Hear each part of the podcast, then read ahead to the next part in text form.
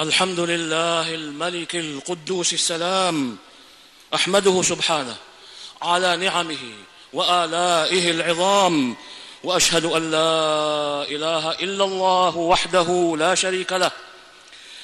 شرع الحج إلى بيته وجعله فريضة من فرائض الإسلام وأشهد أن نبينا محمدا عبد الله ورسوله. خير من صلى وزكى وصام ووقف بعرفة والمشعر الحرام. اللهم صل وسلم على عبدك ورسولك محمد وعلى آله وصحبه الأئمة الأبرار الأعلام والتابعين ومن تبعهم بإحسان. أما بعد فاتقوا الله عباد الله.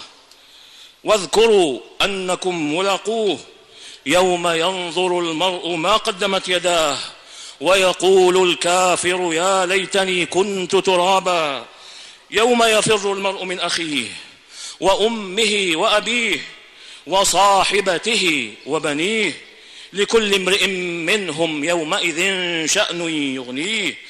أيها المسلمون في كل نسك من مناسك الحج وفي كل وفي كل شعيرة من شعائره تتجلى العبودية لله.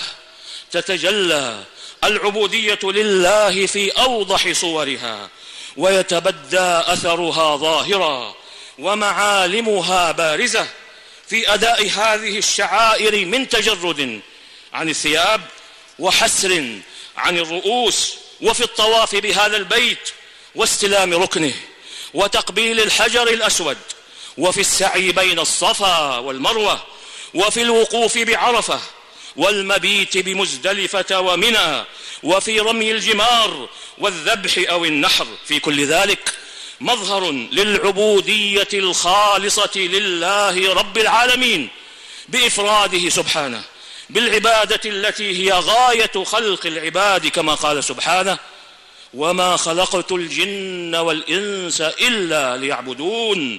ما اريد منهم من رزق وما اريد ان يطعمون. ان الله هو الرزاق ذو القوه المتين. وفيه أيضا تذكير بمواقف العبد في الدار الاخره. يبعث هذا هذا التذكير يبعث على كمال الإيمان بها أي بالدار الآخرة. وضرورة الاستعداد لها وضرورة الاستعداد لها وعدم الغفلة عنها بالاشتغال بزهرة الحياة الدنيا والاغترار بزينتها وزخرفها. وهذا يستلزم الإحسان في أدائه بالتزام أقوم السبل الموصلة إلى الغاية من رضوان الله والظفر بكريم جزائه. ذلك الجزاء الضافي الذي أخبر به رسول الهدى صلوات الله وسلامه عليه بقوله العمرة إلى العمرة كفارة لما بينهما والحج المبرور ليس له جزاء إلا الجنة. أخرجه الشيخان في صحيحيهما. ونعمة الجنة دار كرامة الله. ومأوى الأبرار من عباده جزاء لمن حج حجا مبرورا وكان بإحسانه ممن عنى الله بقوله للذين أحسنوا الحسنى وزيادة ولا يرهق وجوههم قتر ولا ذلة أولئك أصحاب الجنة هم فيها خالدون. وإن السبيل الذي يتعين على الحاج التزامه وعدم الحيدة عنه ليحظى بهذا الموعود ويظفر بهذا الجزاء يتضمن أمورا. منها ما أفصحت عنه الآية الكريمة الحج أشهر معلومات فمن فرض فيهن الحج فلا رفث ولا فسوق ولا جدال في الحج.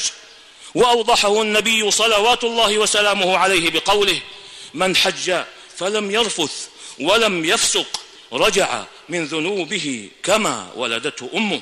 أخرجه الشيخان في صحيحيهما.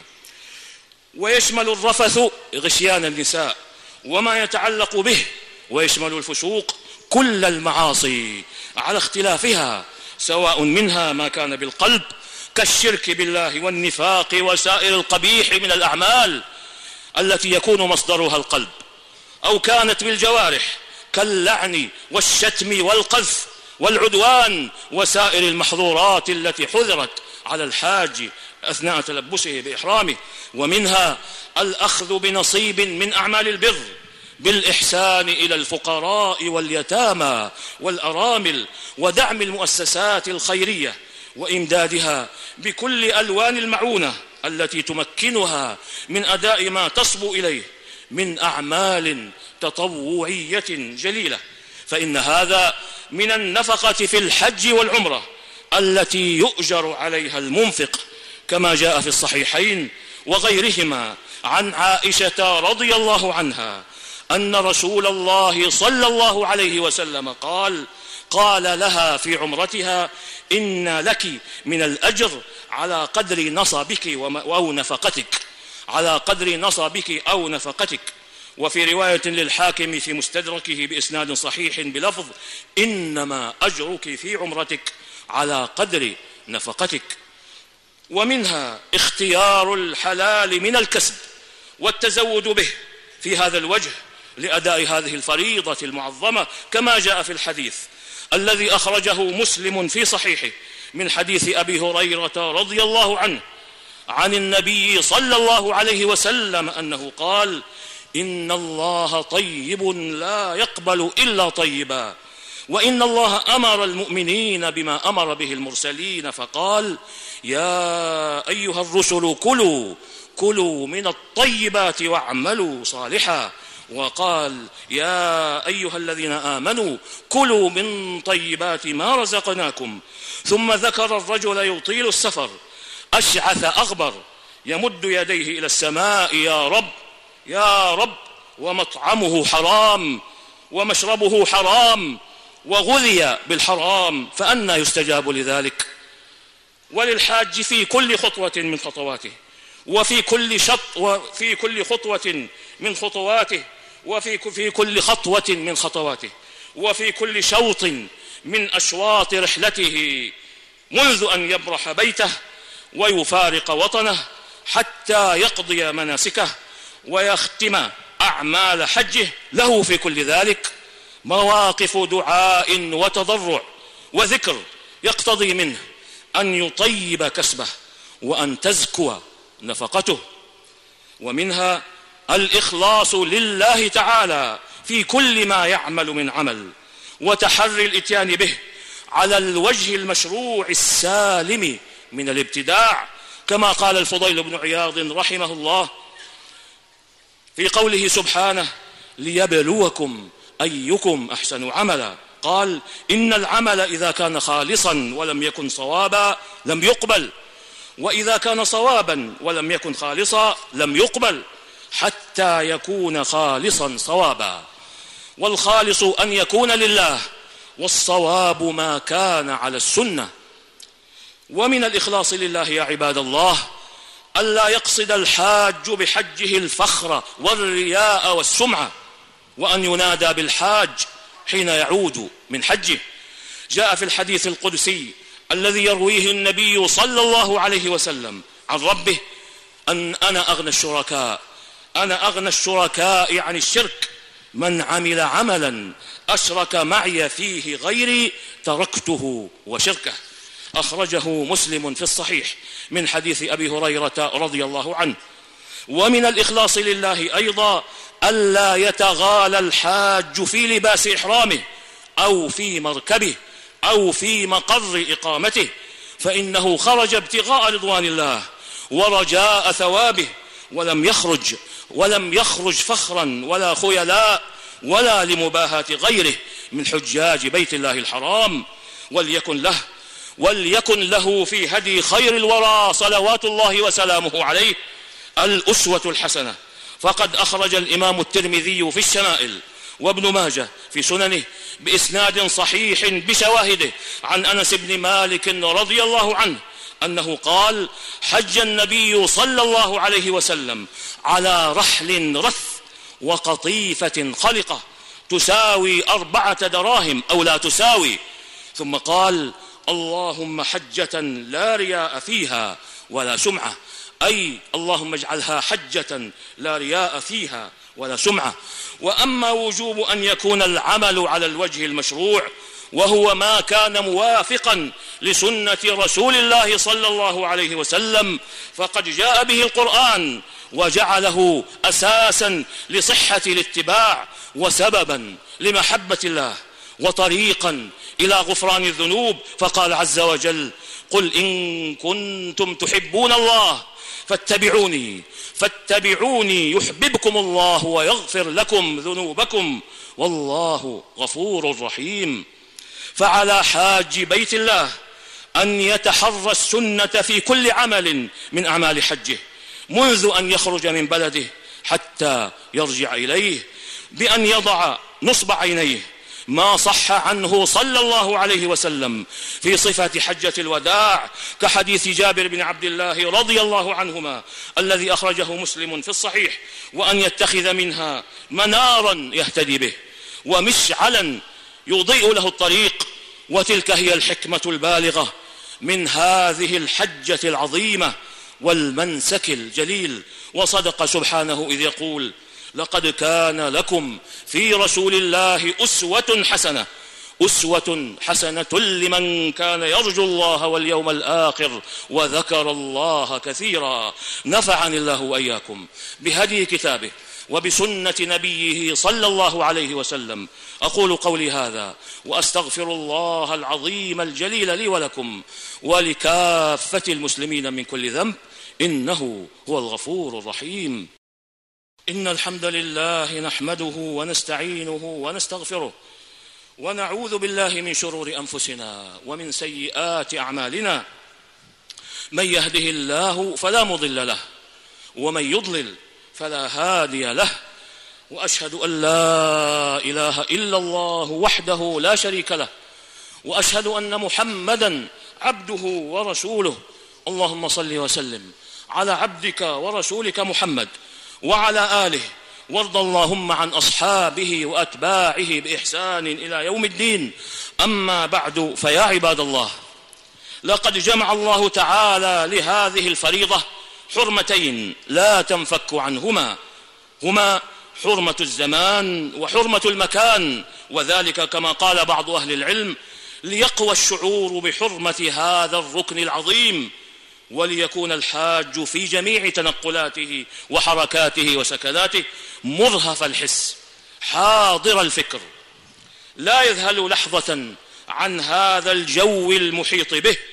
وقد ضم إلى ذلك حرمة الإحرام وشرع له أحكاما وآدابا خاصة تحقيقا للتذلل وترك الزينة والتشعث وتنهيها وتنويها لاستشعار خوف الله وتعظيمه ومؤاخذة نفسه. ألا تسترسل في هواها.